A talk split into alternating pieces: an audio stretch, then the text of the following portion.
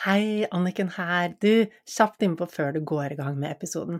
Jeg lurer på, har du noen ganger kjent på en skikkelig sånn blåmandag, hvor ting bare er tungt og trist, og du ikke har noe energi eller ork?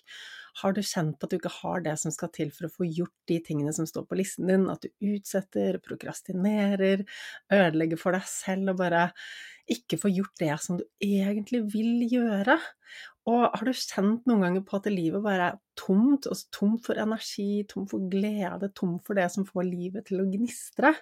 Jeg spør deg fordi dette her har jeg også kjent på, og jeg ante ikke at det faktisk var noe som jeg kunne gjøre selv. Altså faktisk hele nøkkelen til å få endret det ligger inne i meg, ligger inne i deg. Du har alt det som skal til for å få til den endringen.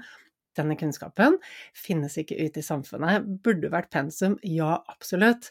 Og da jeg lærte det jeg nå kan i mentaltrening, så var det som om bare et stort lys gikk opp for meg, og endelig falt puslespillbrikkene på plass. Og jeg fikk de verktøyene og den metoden som skal til for å nummer én bygge opp motivasjonen, energien og livsgleden, og nummer to, som kanskje er enda viktigere, få det til å vare livet ut. Ja, for det er lett å bli inspirert, men hvordan få det til å vare livet ut? Og alt det her er grunnlaget for at jeg satte meg ned og brukte et helt år av livet mitt på å skrive boken Finn din superkraft, sånn at du også skal få tilgang til de verktøyene. Og det jeg har delt i boken, er ting som ikke er i podkasten.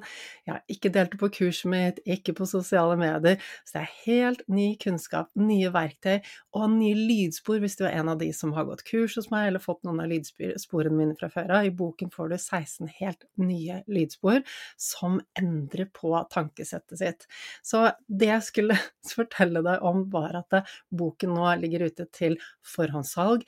Frem til 1. mai så kan du bestille den på forhåndssalg, og da får du den sendt rett hjem til postkassen din med en gang den er på lager. Og det som er ekstra, ekstra fint med at du bestiller dem på forhåndssalget, og det lærte jeg først nå, siden jeg selvpubliserer og kunne jo ingenting om hva, altså hvordan publiserer man en bok, men nå har jeg skjønt at det, å få solgt mange bøker på forhåndssalget gjør at man lettere kommer inn på boklisten, og den er visst veldig magisk, for når man er der, så er det en stor hjelp. Det gjør at boken får spredd seg til enda flere, enda flere får hørt om det. Og denne boken burde vært pensum, burde vært inne på alle skoler. Altså, hvordan hadde verden sett ut hvis alle hadde verktøykassen for å faktisk bygge opp motivasjon, drivkraft, livsglede, og bare ha det bra, få gjort det du vil, og trives med deg selv? Slippe å være passasjer til følelsene dine når følelsene svinger og du bare er tom og skjønner ikke hvorfor. Altså, denne, det er en brukermanual for hjernen som vi alle, alle burde hatt.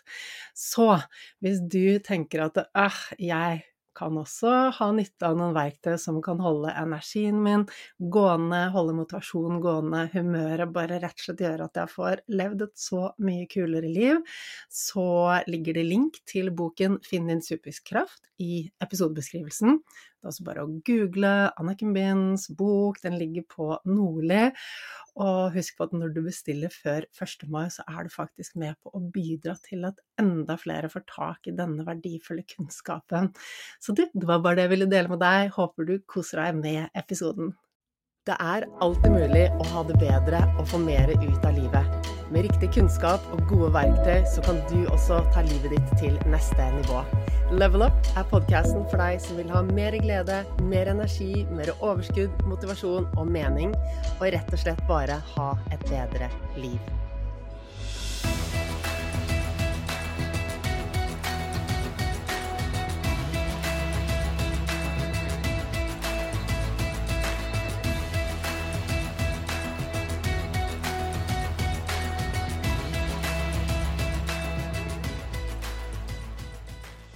Hvilke ting i hverdagen din og livet ditt er det du er redd for? Hva er det som bringer opp denne fryktresponsen hos deg? Hvordan møter du det du er redd for? Og hvordan begrenser det deg i livet ditt?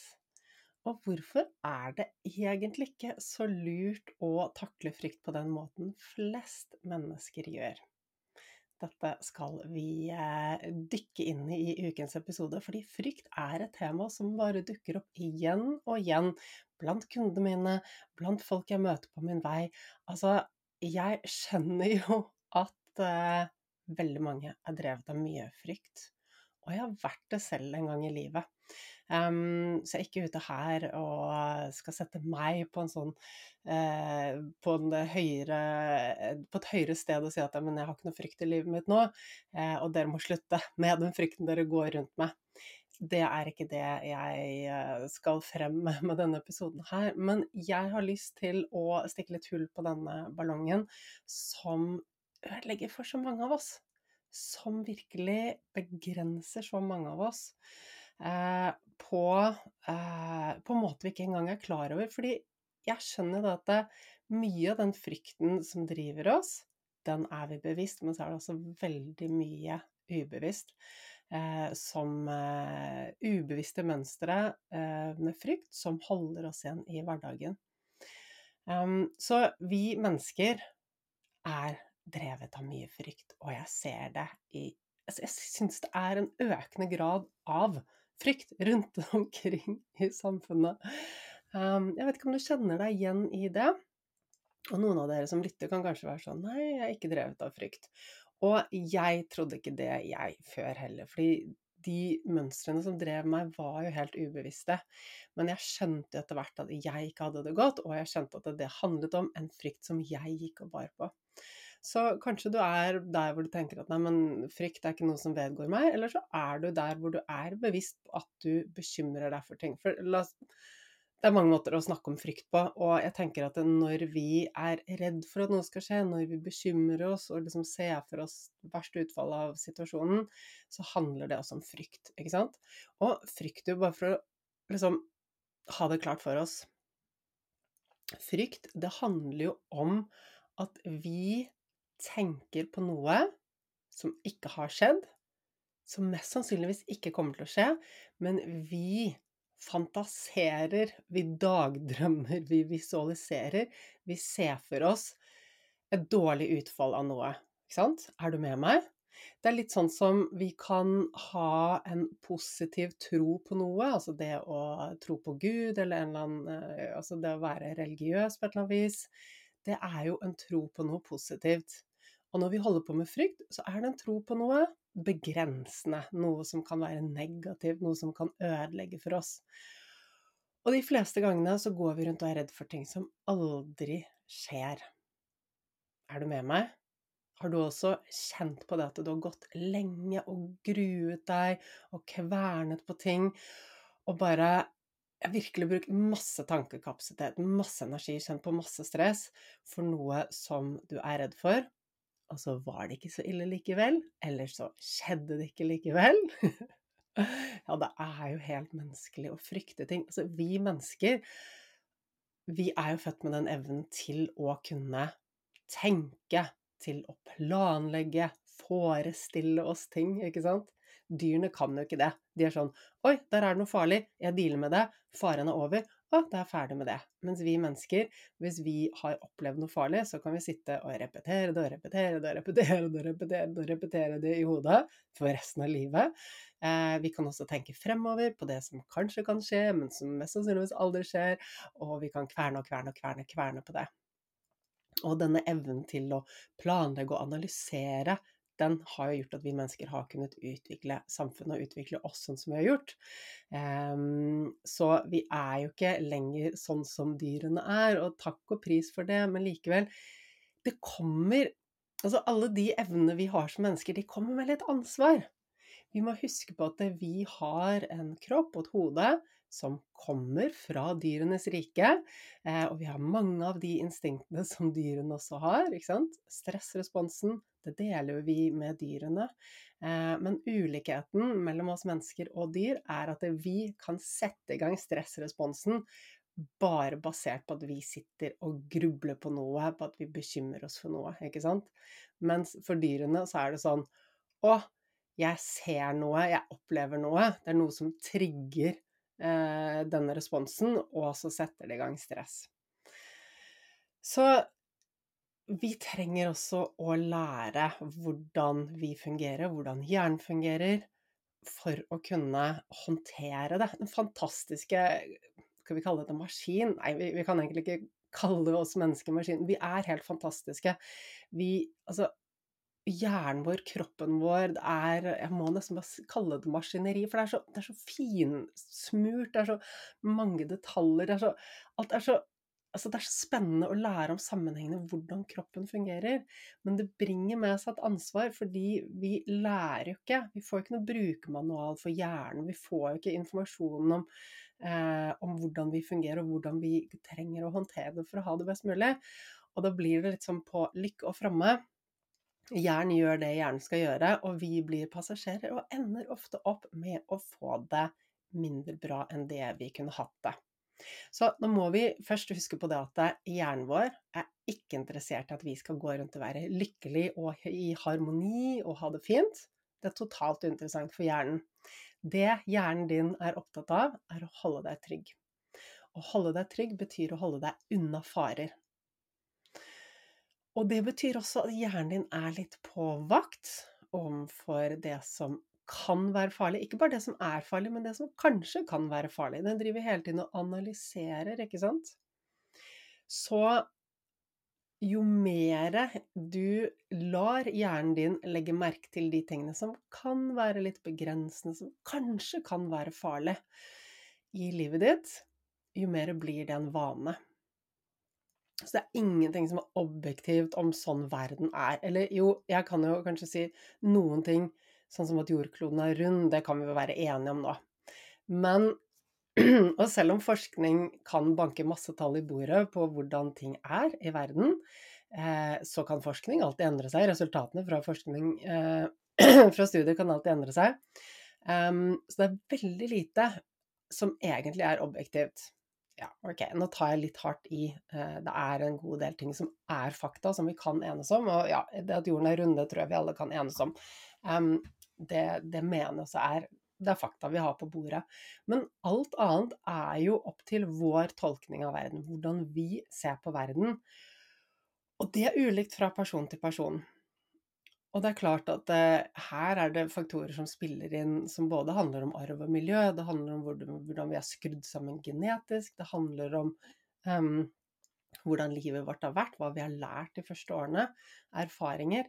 Men det som er felles for alle mennesker Noen er mer positive, noen er mer um, Liker ikke å kalle det negative, men har litt mer sånn um, pessimistisk tankesett. ikke sant? Og ja, det er både noe som kan være medfødt, men det er også noe som vi kan lære oss. Og det vi må vite, er at alt det vi gjør mye av, det blir jo en vane. Og det blir lettvint, og til slutt så blir det det eneste vi gjør. Så hvis vi hver dag legger merke til det som er begrensende i livet vårt, så blir det til slutt en vane, og så klarer vi ikke lenger å se på de tingene som er bra i livet vårt.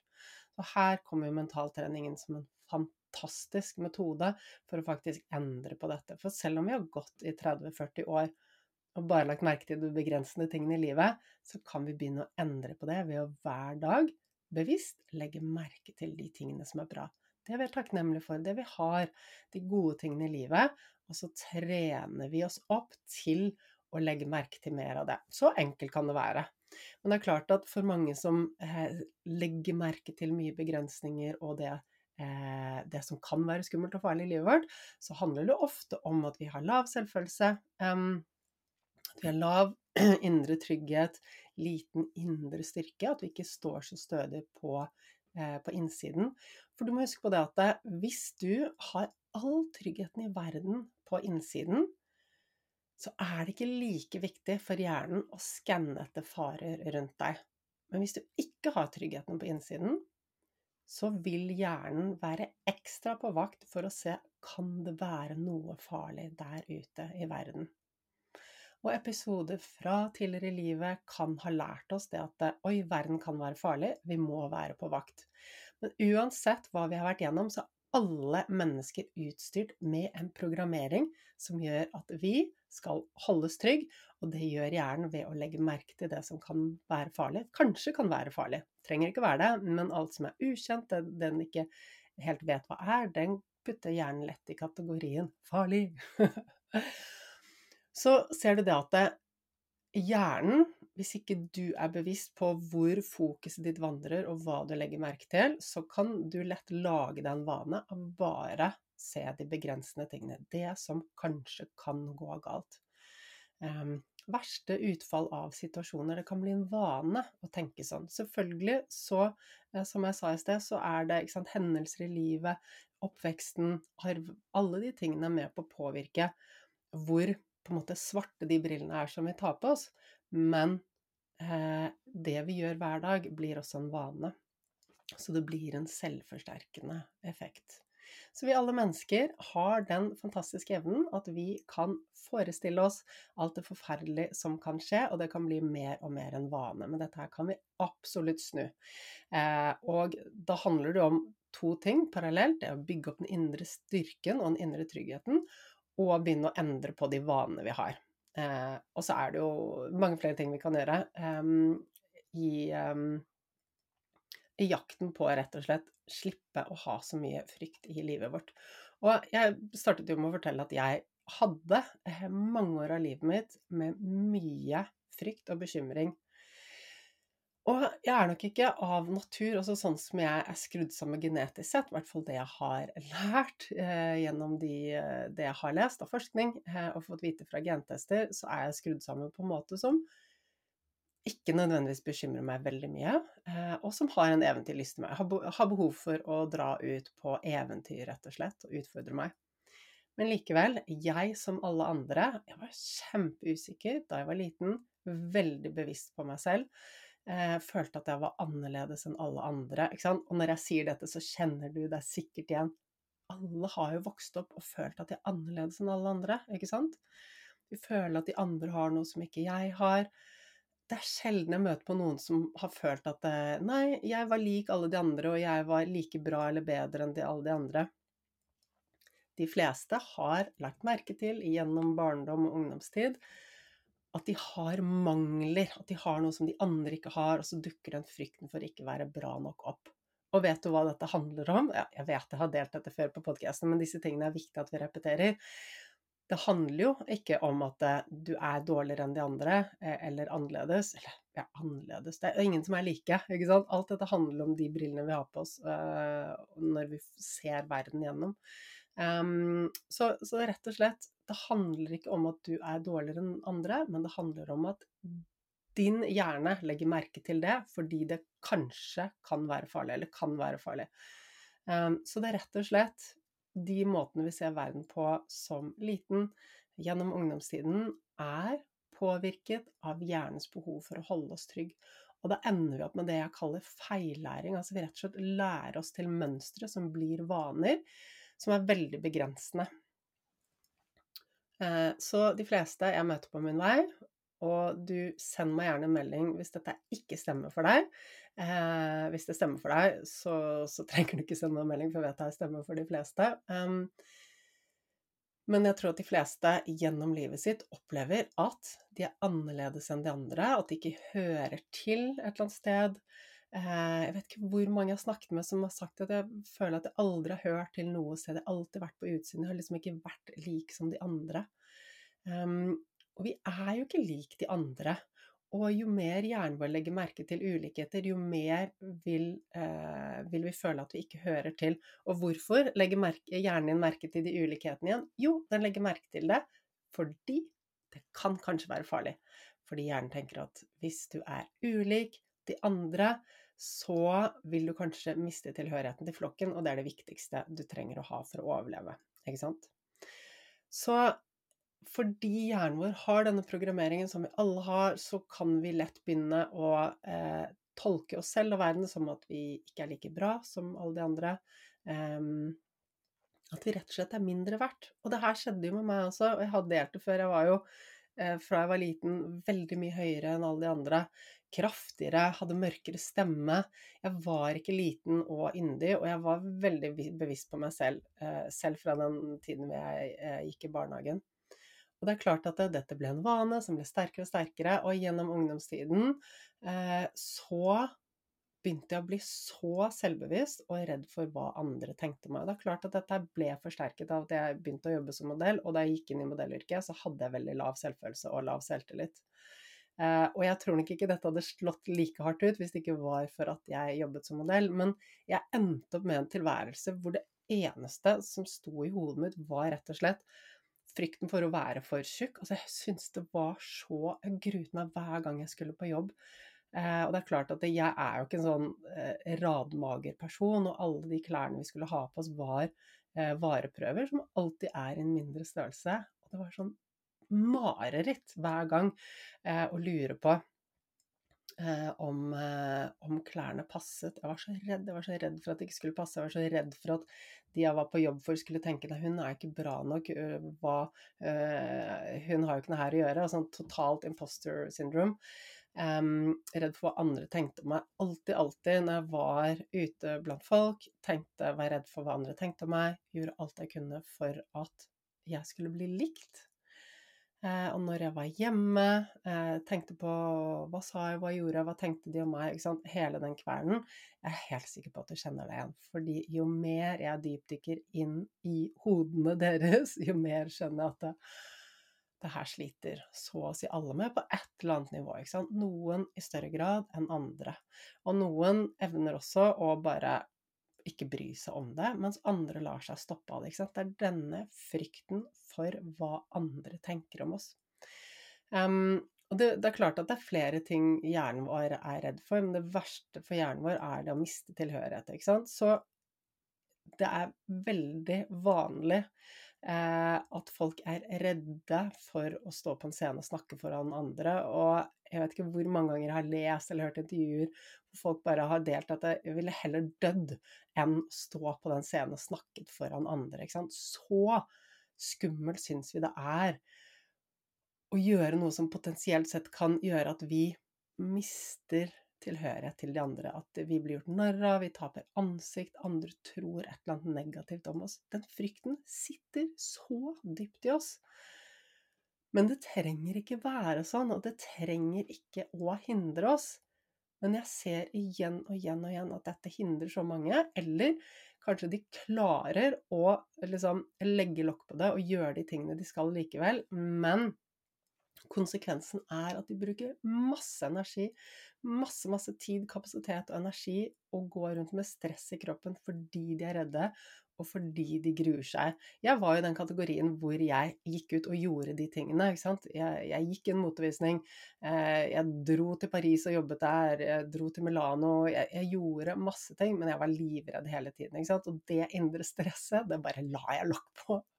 Så jeg gjorde alle de tingene. Jeg la aldri noen begrensninger på meg. Det var aldri sånn at jeg bare Å nei, jeg kan ikke gjøre det eh, fordi jeg er redd for det og det. Jeg begrenset meg ikke, men jeg bare overstyrte den frykten.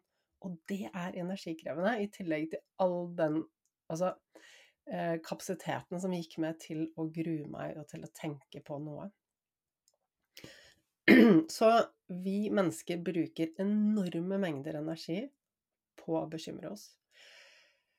Og det skal vi ikke kimse av, fordi jeg tror egentlig de færreste er klar over hvor mye det krever av, krever av, oss når vi bekymrer oss mye, og når vi hele tiden må pynte på den vi er for å være en litt bedre versjon av oss selv, den som andre tror Den som vi tror at andre vil at vi skal være, eller den vi tror vi trenger å være for å bli likt av andre. Det er så energikrevende. Eh, og jeg kan si med en gang at en av de viktigste årsakene til at jeg får til så mye i min business, eh, at jeg har vokst så mye de siste årene, som er egentlig helt utrolig hvor mye jeg har fått til de siste årene, det er fordi jeg har ingen frykt i hverdagen. Jeg har ingen frykt i forhold til businessutviklingen min. For meg så ser jeg på alt det jeg gjør, kun som lek. Jeg er ikke redd for utfallet av noe. Um, selvfølgelig så, så, dukker det opp økonomiske bekymringer innimellom. Går dette? Må vi selge huset? Under korona så var det veldig røft. Uh, men jeg evner også å møte det på en veldig konstruktiv måte, og så gi slipp på det. Og jeg har en tilnærming til livet og til jobben min som er lekbasert. Det betyr ikke at jeg ikke tar den seriøst, for det gjør jeg i aller høyeste grad. Men jeg har ikke noe frykt knyttet til det. Jeg er ute og er nysgjerrig, jeg leker, jeg prøver. Ah, kanskje dette funker, tester det. Nei, det funket ikke. Ok, da har jeg lært hvordan gjør det annerledes neste gang. Det er ikke noe frykt der. Og livet mitt var styrt av frykt før. Jeg hadde ikke energi, jeg hadde ikke kapasitet. Og nå, siden jeg ikke har noe frykt i hverdagen, i livet mitt, i jobben min, i det hele tatt, så har jeg så mye ekstra kapasitet. Men når det er sagt, det er ikke helt sant at jeg ikke har frykt i livet mitt, fordi jeg oppsøker det som gir meg frykt. Og dette har jeg delt med deg før. Og dette her er viktig at du tar med deg. Jeg hadde eh, en samtale med de som går i medlemskapet mitt, hvor vi jobbet en del med frykt.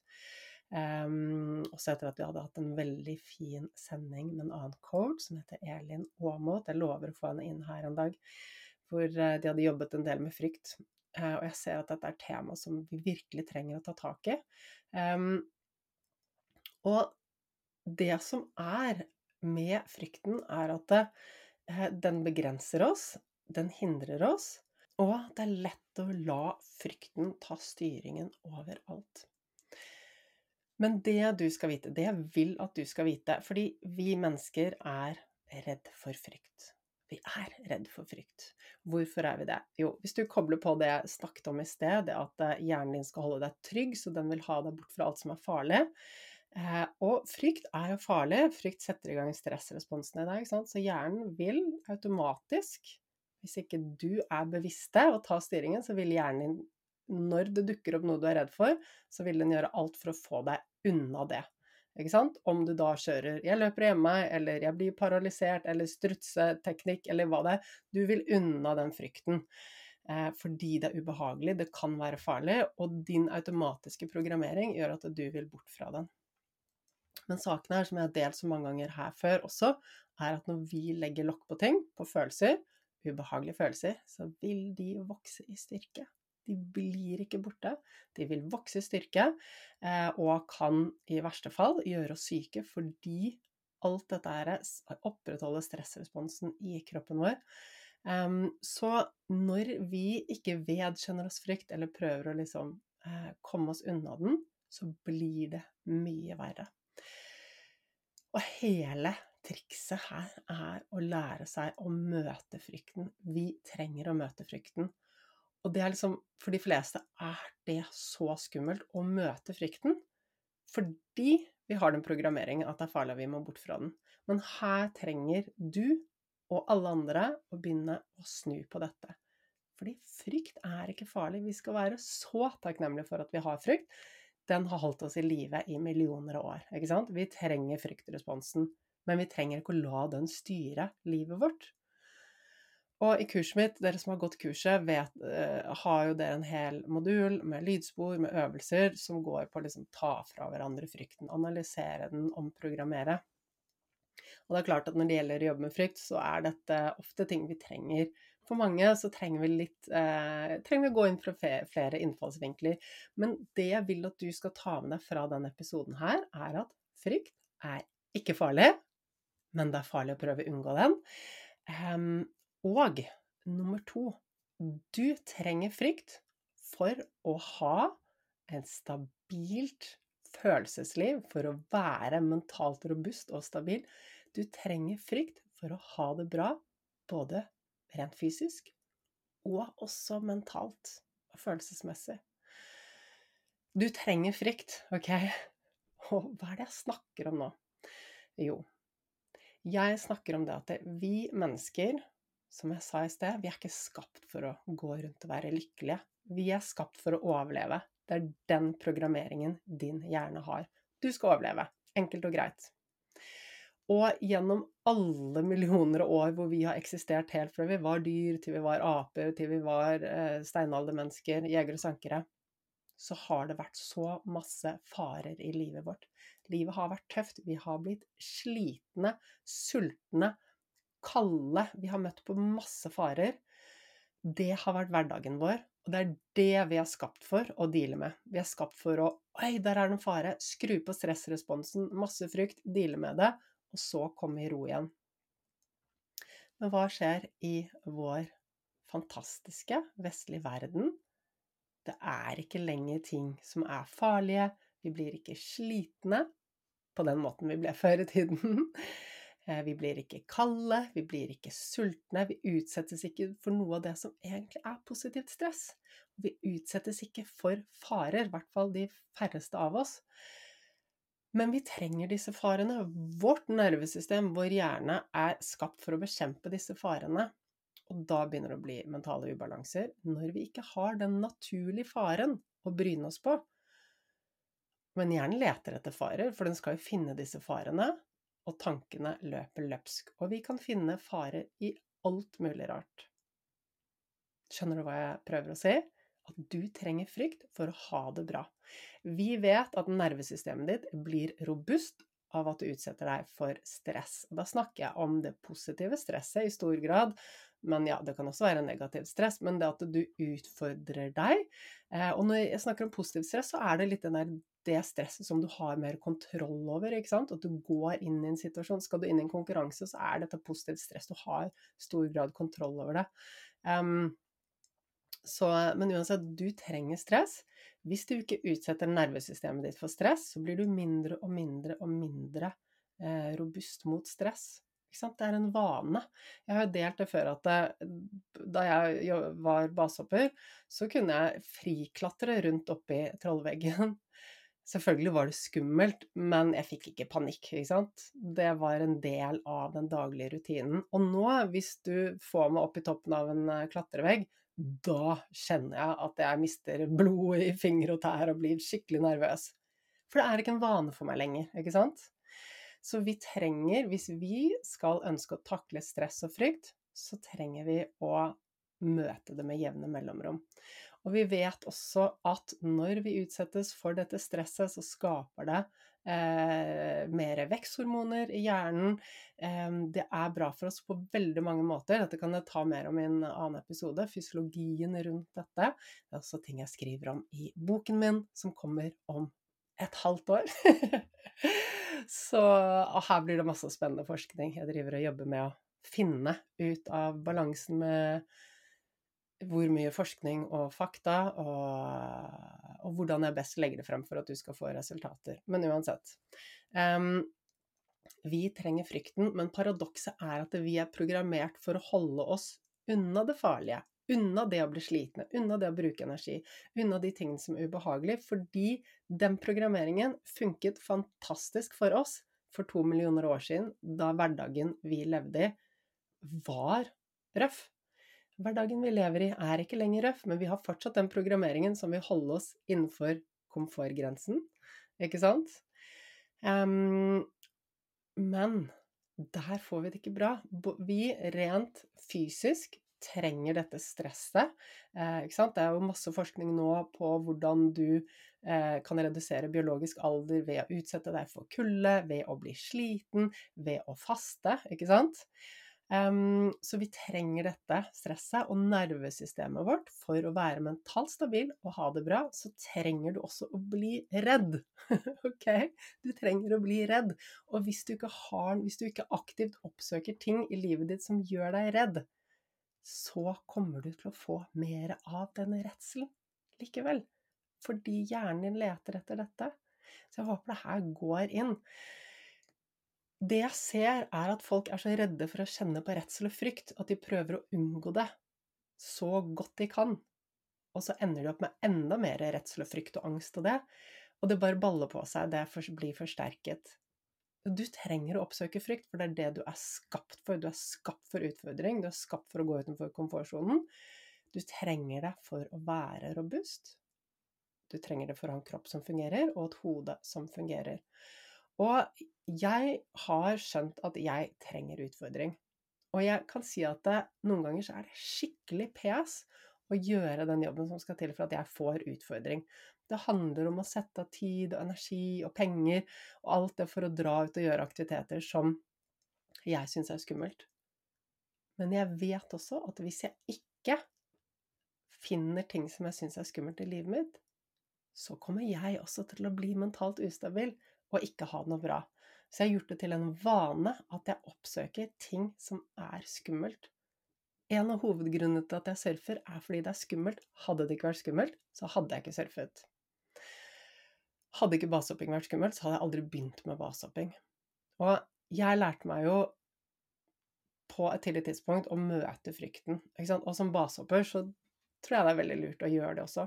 Eh, og vi var jo ofte flere som sto på kanten og skulle hoppe og sånn. Og i starten da jeg begynte, jeg begynte å hoppe i 2000, så begynner det med en stund siden, da var det litt sånn alle skulle være så tøffe, ingen skulle si at de var redde, det var liksom bare uh -huh. Um, Men etter hvert så vokste det fram en sånn mentalitet innen miljøet at var at vi skulle si at vi var redde. Ikke sant?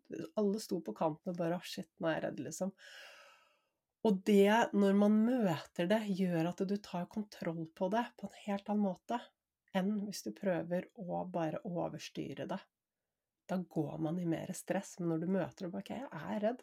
Og det skulle bare mangle. Jeg skal hoppe ned fra dette fjellet på 1000 meter eller mer, ikke sant? Så det skulle bare mangle at man kjente på frykt da.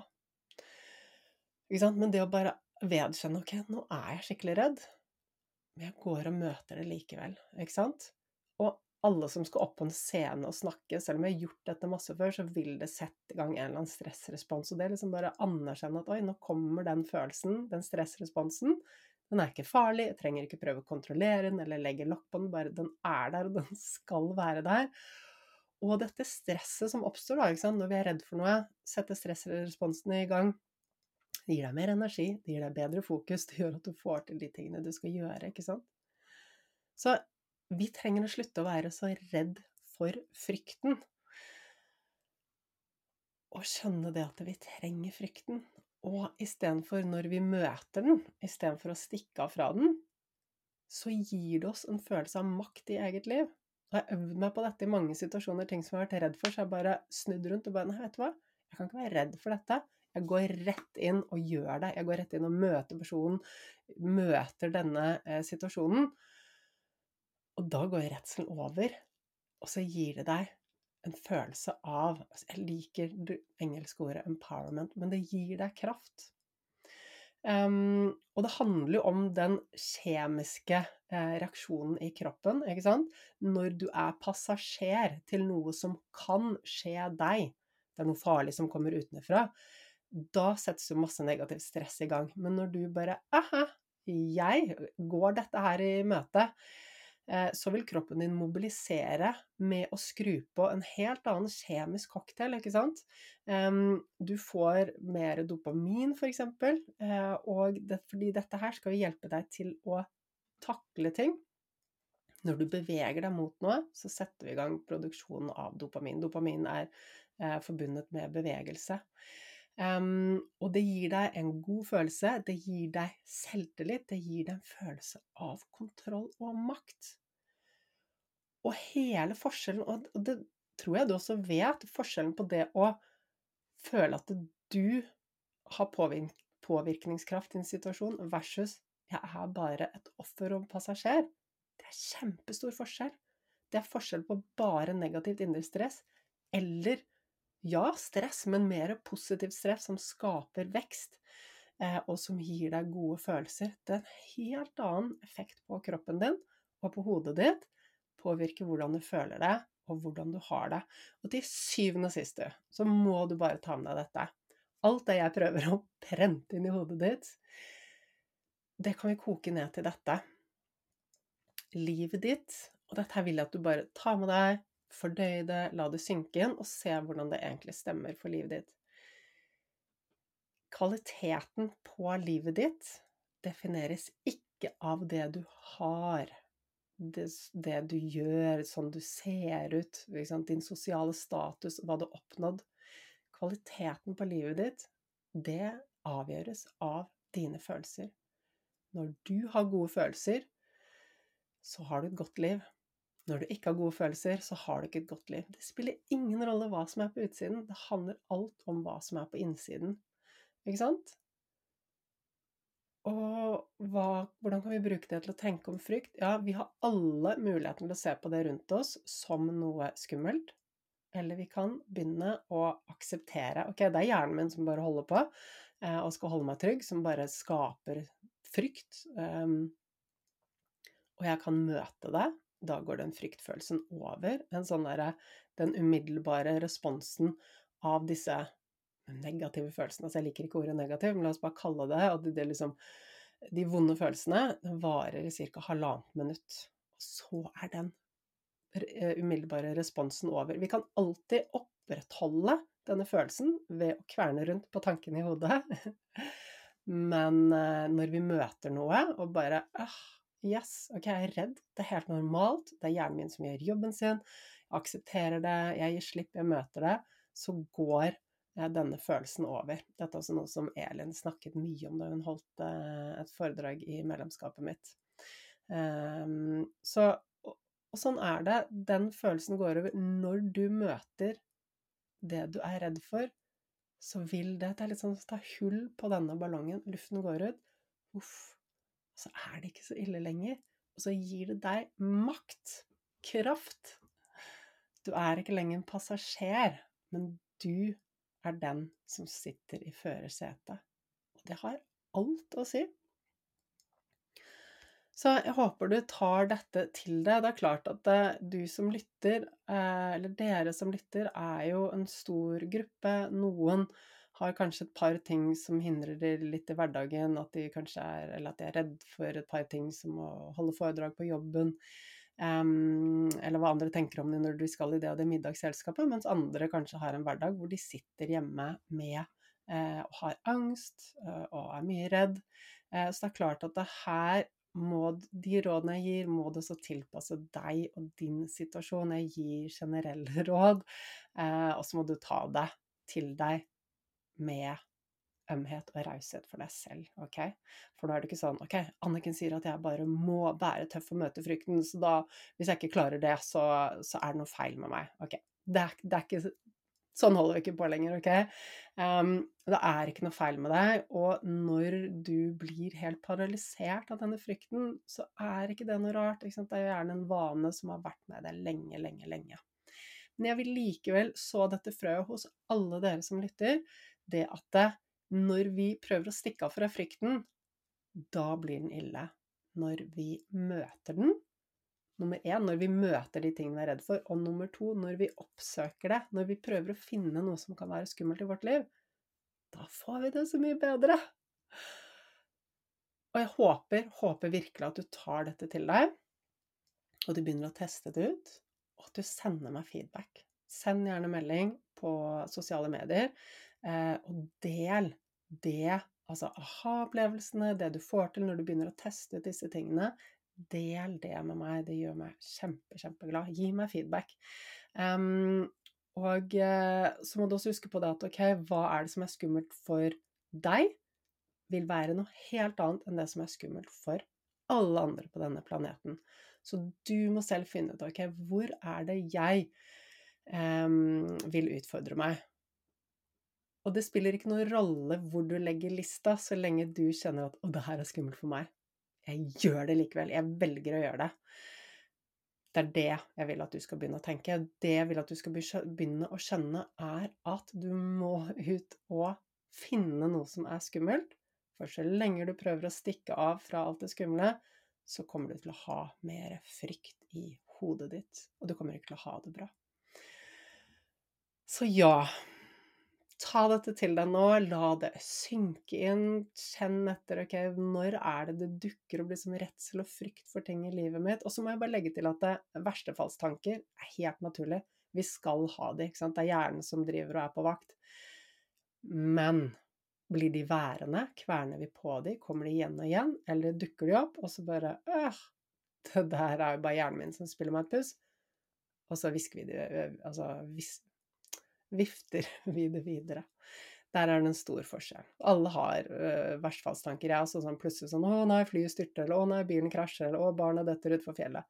De tankene dukker opp, og det er helt, helt normalt. Men de blir ikke værende der hos meg. Og blir de værende der, så er det et resultat at vi har lav indre trygghet. Og jeg vet jo at for de fleste av dere som lytter her nå, så er det klart at det, ja, eh, dere trenger å endre den vanen med hvordan dere ser på verden. Eh, at dere ikke stikker av fra de skumle tingene lenger, at dere møter det. Men parallelt med det, for å kunne bli robust til å virkelig få til den utviklingen, så må vi også bygge oss opp på innsiden, ikke sant? Tilbake til det igjen at kvaliteten på livet ditt, det avgjøres av hvordan du føler deg. Bruker du mye av dagen din på å bekymre deg for hva andre tenker om deg, eh, om det du har sagt var bra nok eller ikke? Eh, er du intelligent nok? Eh, får du til dette? Da har du ikke et godt liv. Men alt dette her kan snus når du bygger indre styrke, indre trygghet og selvfølelse. Um, neste episode så får vi en kjempefin gjest så, uh, som skal dele sin reise fra å ha vært der med masse frykt, begrensninger og lav selvfølelse, til å stå så stødig i seg selv nå. Uh, så kan hun gjøre den endringen, så kan du også.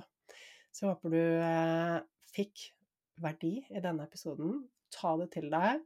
Ta dem ut i livet ditt Bruk det, del det videre, test det ut. Stemmer det Anniken sier? Istedenfor å bare avfeie det helt. Nei, dette er galskap.